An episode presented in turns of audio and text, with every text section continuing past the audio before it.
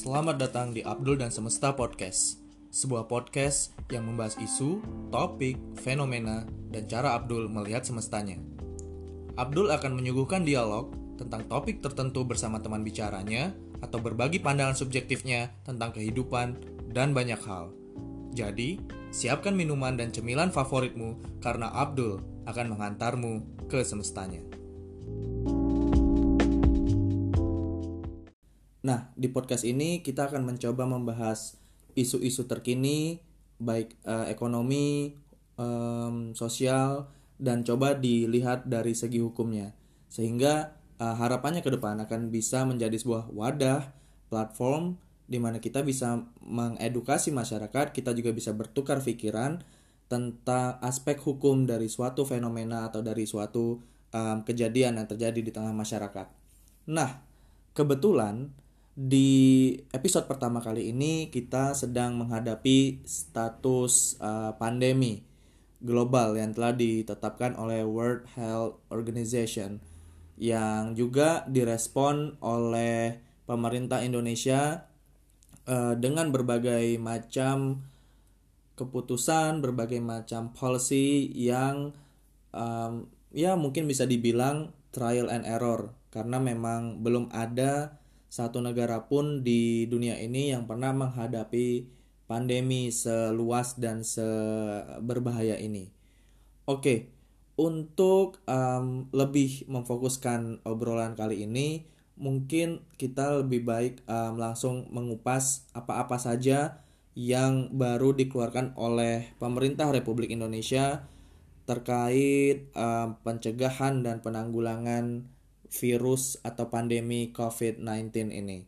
Jadi di tanggal 31 Maret kemarin Presiden Jokowi sudah melakukan press conference di mana banyak hal coba diflorkan di sana tentang um, bagaimana strategi pemerintah terkait um, menjaga sistem keuangan, sistem ekonomi, dan juga fokus untuk mengatasi pandemi ini dari segi kesehatannya. Nah, tetapi um, ada pro kontra, ada diskursus, ada dialog yang terjadi di masyarakat kita tentang khususnya eh, produk-produk hukum yang dikeluarkan oleh Jokowi sebagai uh, kepala pemerintah atau presiden Republik Indonesia, di mana salah satunya um, adalah uh, pelaksanaan Undang-Undang Nomor 6 Tahun 2018 tentang kekarantinaan kesehatan. Nah, sebenarnya undang-undang ini juga belum lama dalam tanda kutip karena ya 1 2 tahun um, baru keluar dan belum ada aturan teknis yang mengatur bagaimana seharusnya karantina kesehatan itu dilaksanakan. Tetapi setelah banyak pertimbangan um, ternyata akhirnya uh, Presiden Jokowi mengambil um, jalan atau mengambil metode untuk melaksanakan undang-undang ini lebih teknis lagi. Karena sebelumnya seperti kita tahu ada beberapa um, beberapa topik yang menjadi perbincangan di media massa di lini massa seperti adanya isu pemberlakuan darurat sipil yang kembali lagi ke ke undang-undang um, di zaman revolusi atau di zaman um, Presiden Soekarno zaman itu. Nah ternyata um, kabar baiknya adalah darurat sipil tidak jadi diberlakukan karena satu dan lain hal dan sebenarnya di um, di press conference kemarin di di 31 Maret 2020 juga nggak disebutkan. Jadi um, Jokowi melalui press connya sudah um, berhasil lebih fokus gitu ke bagaimana melakukan karantina kesehatan dan menghasilkan produk hukum turunan dari Undang-Undang Nomor 6 Tahun 2018. Nah, di Undang-Undang Nomor 2 Nomor 6 Tahun 2018 ini um, smart people bisa melihat berbagai jenis karantina kesehatan yang bisa dilaksanakan. Antara lain yang paling sering uh, di apa namanya disuarakan atau digalakkan oleh beberapa kalangan adalah tentang karantina wilayah.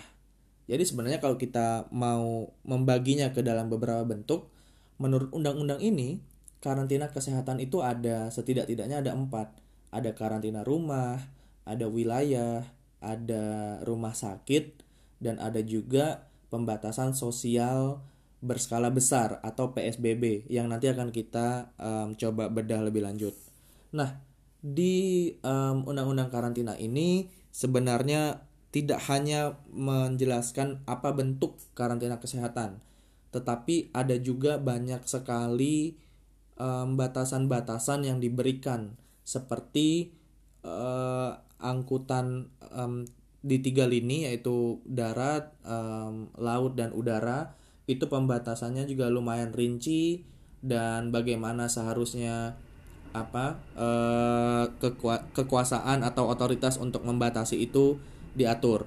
Nah, ada juga um, beberapa ketentuan di dalam undang-undang ini yang membahas um, sanksi pidananya, di mana sanksi pidananya tidak hanya bisa dijatuhi kepada orang perseorangan, tetapi juga ada pidana korporasi yaitu badan usaha, baik yang berbadan hukum maupun tidak, itu ternyata juga bisa kena. Seperti contohnya kekarantinaan kesehatan yang sudah ditetapkan oleh pemerintah yang berwenang di pasal 93 undang-undang ini bisa dijatuhi uh, hukuman paling lama itu satu tahun dan atau denda 100 juta di mana undang-undang ini sudah berusaha um, serinci itu dengan dengan menyediakan um, dasar hukum untuk ketentuan pidana atau sanksi pidana yang bisa dikenakan terhadap uh, pelanggaran atas uh, ketidakpatuhannya um, terhadap undang-undang ini gitu.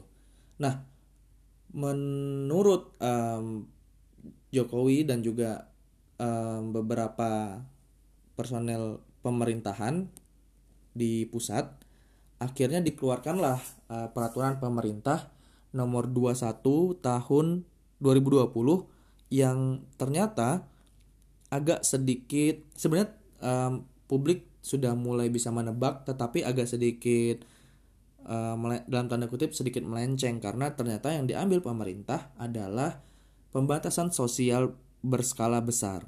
Nah, tetapi ketika kita mencoba melihat PP ini lebih dalam lagi, ternyata PP 21 2020 ini memiliki beberapa um, kekurangan baik secara teknis, secara secara formil dan secara material juga ternyata ada ada ruang untuk bis, yang bisa diperdebatkan di sana.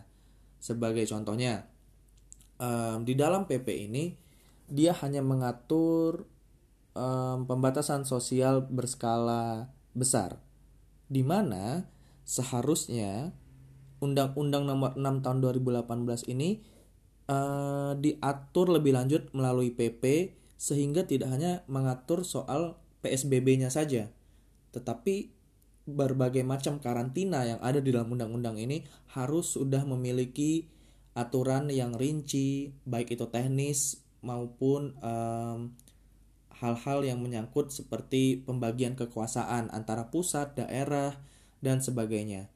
Nah, menurut beberapa sumber seperti um, yang saya kutip di sini adalah hasil penelitian dari Pusat Studi um, Hukum Ketetana, Kete, Ketata uh, Negaraan yang ada di beberapa universitas seperti yang saya kutip ada di Universitas Islam Indonesia Jogja Yogyakarta dan juga ada yang dipublish oleh um, pusat studi di salah satu fakultas juga di Universitas Indonesia. Hal sebenarnya banyak um, point of view yang sama. Oh iya, termasuk juga tulisan um, Profesor Yusril Iza Mahendra juga um, punya punya kritik yang sama terhadap peraturan per, peraturan pemerintah ini. Salah satunya adalah um, adresat atau judul sendiri dari PP ini agak sedikit um, jauh dari harapan bahwa seharusnya PP ini mampu mengatur aturan teknis terhadap segala macam karantina kesehatan, tetapi yang dikeluarkan hanya untuk mengatur PSBB saja. Dan bahkan jauh lebih rinci dari itu, PSBB ini hanya untuk menanggulangi COVID-19. Iya, um, kita bisa memahami, saya juga bisa memahami bahwa uh, eh, PP ini adalah hasil atau produk hukum dalam rangka menanggulangi dan mencegah COVID-19 lebih menyebar luas lagi. Tetapi ada uh, baiknya ketika PP ini jauh lebih um, komprehensif dalam mengatur undang-undang uh, mengatur aturan teknis undang-undang karantina kesehatan. Karena ketika kita um, mungkin kita tentu tidak berharap tapi mungkin di masa depan akan ada kejadian yang sama tentu PP ini akan tidak relevan baik secara hukum maupun secara teknis secara um, apa namanya secara uh, tata usaha negaranya pun jadi lebih uh, rancu karena dia hanya mengatur PSBB dan lebih spesifik lagi dia hanya mengatur COVID-19 itu yang pertama.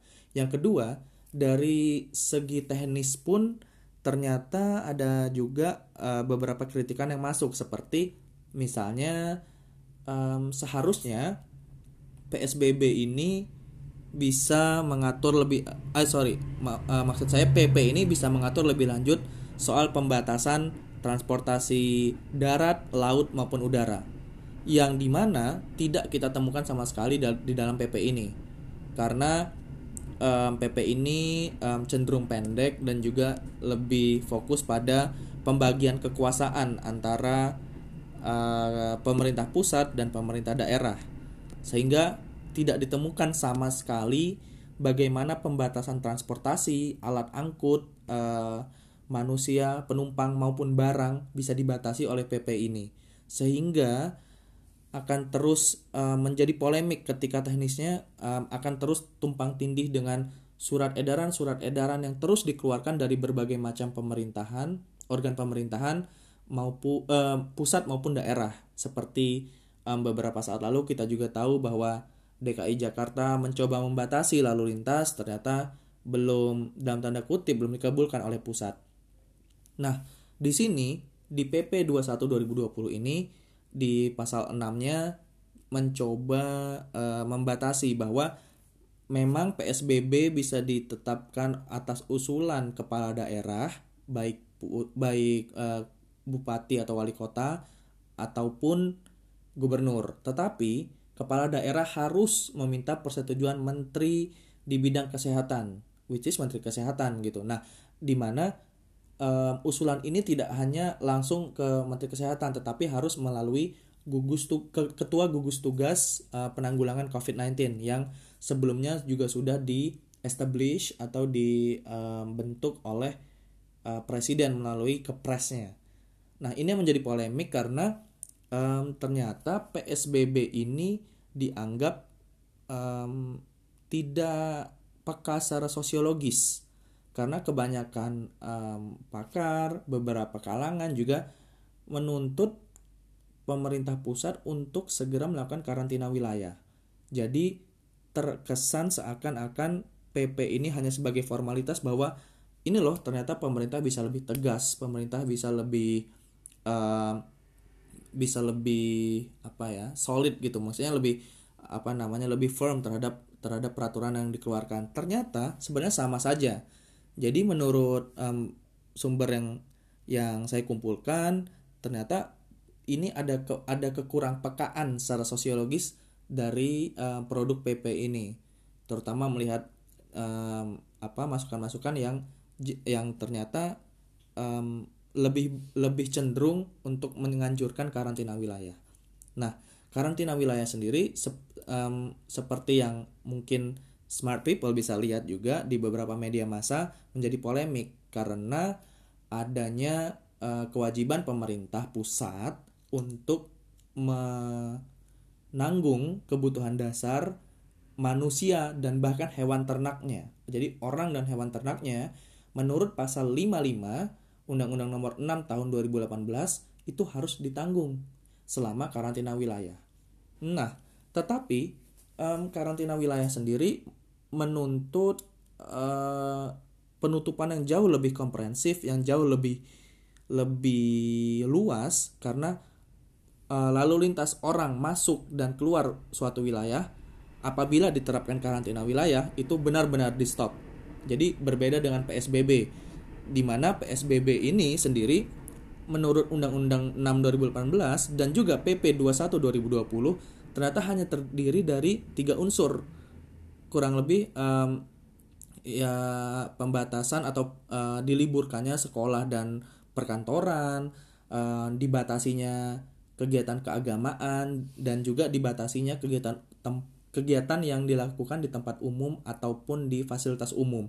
Jadi sebenarnya um, secara sosiologis pemerintah dalam hal ini juga um, bisa dikatakan atau dalam tanda kutip sedikit tidak bisa mengadres isu sebenarnya bahwa banyak kalangan yang meminta karantina wilayah karena pemerintah pusat punya absolute power untuk nih nah, warga negara nggak boleh uh, keluar masuk suatu wilayah karena lagi ada pandemi Sementara PSBB dalam tanda kutip masih bisa. Karena yang ada hanyalah batasan, diliburkan dan sebagainya. Toh kita lihat sendiri di lapangan ternyata pemerintah daerah juga sudah banyak kok yang uh, telah berusaha melakukan hal demikian. Itu yang kedua. Yang ketiga atau yang terakhir adalah um, kurangnya um, apa ya? Lebih ke hal uh, teknis atau mungkin turunan dari uh, pembatasan lalu lintasnya. Jadi yang pertama tadi kalau kita um, track back seperti adanya kekurang pekaan secara sosiologis. Uh, yang kedua ada um, kerancuan pada adresat atau judulnya.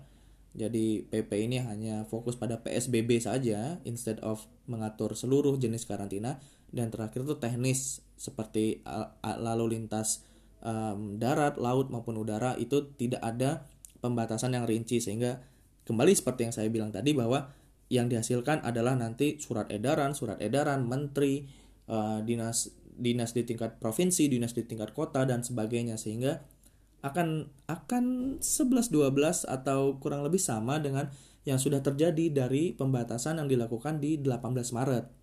Jadi uh, mungkin ke depannya akan lebih banyak uh, aturan teknis yang dikeluarkan oleh organ-organ pemerintah seperti kementerian dan um, dinas-dinas terkait. Nah, kurang lebih itu jadi um, PP 21 2020 dalam hal ini masih menjadi dilema, masih menimbulkan pro dan kontra meskipun ya mau tidak mau kita butuhkan mungkin um, yang menjadi um, saran saya sebagai penutup adalah pemerintah seharusnya bisa lebih teknis dan juga bisa lebih komprehensif ketika melihat um, situasi apalagi ini produk hukum yang dalam tanda kutip abadi gitu kalau tidak ada perubahan jadi mungkin PP ini bisa um, bisa apa namanya coba digodok ulang jadi ada mungkin tim sendiri yang mencoba menggodok ulang bahwa ini loh PP PP dari turunan dari undang-undang karantina kesehatan bisa mengcover semuanya, tidak hanya PSBB, tetapi bisa juga rumah, eh, karantina rumah, wilayah dan rumah sakit. Itu harus bisa di cover.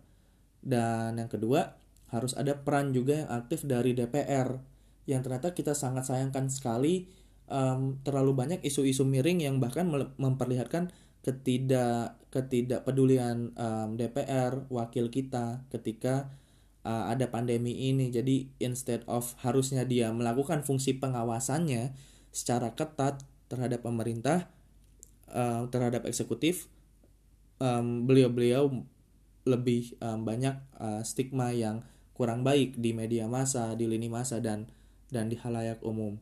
Jadi um, kurang lebih itu terkait undang-undang um, karantina kesehatan dan turunannya yang kita bisa lihat di PP nomor 21 tahun 2020.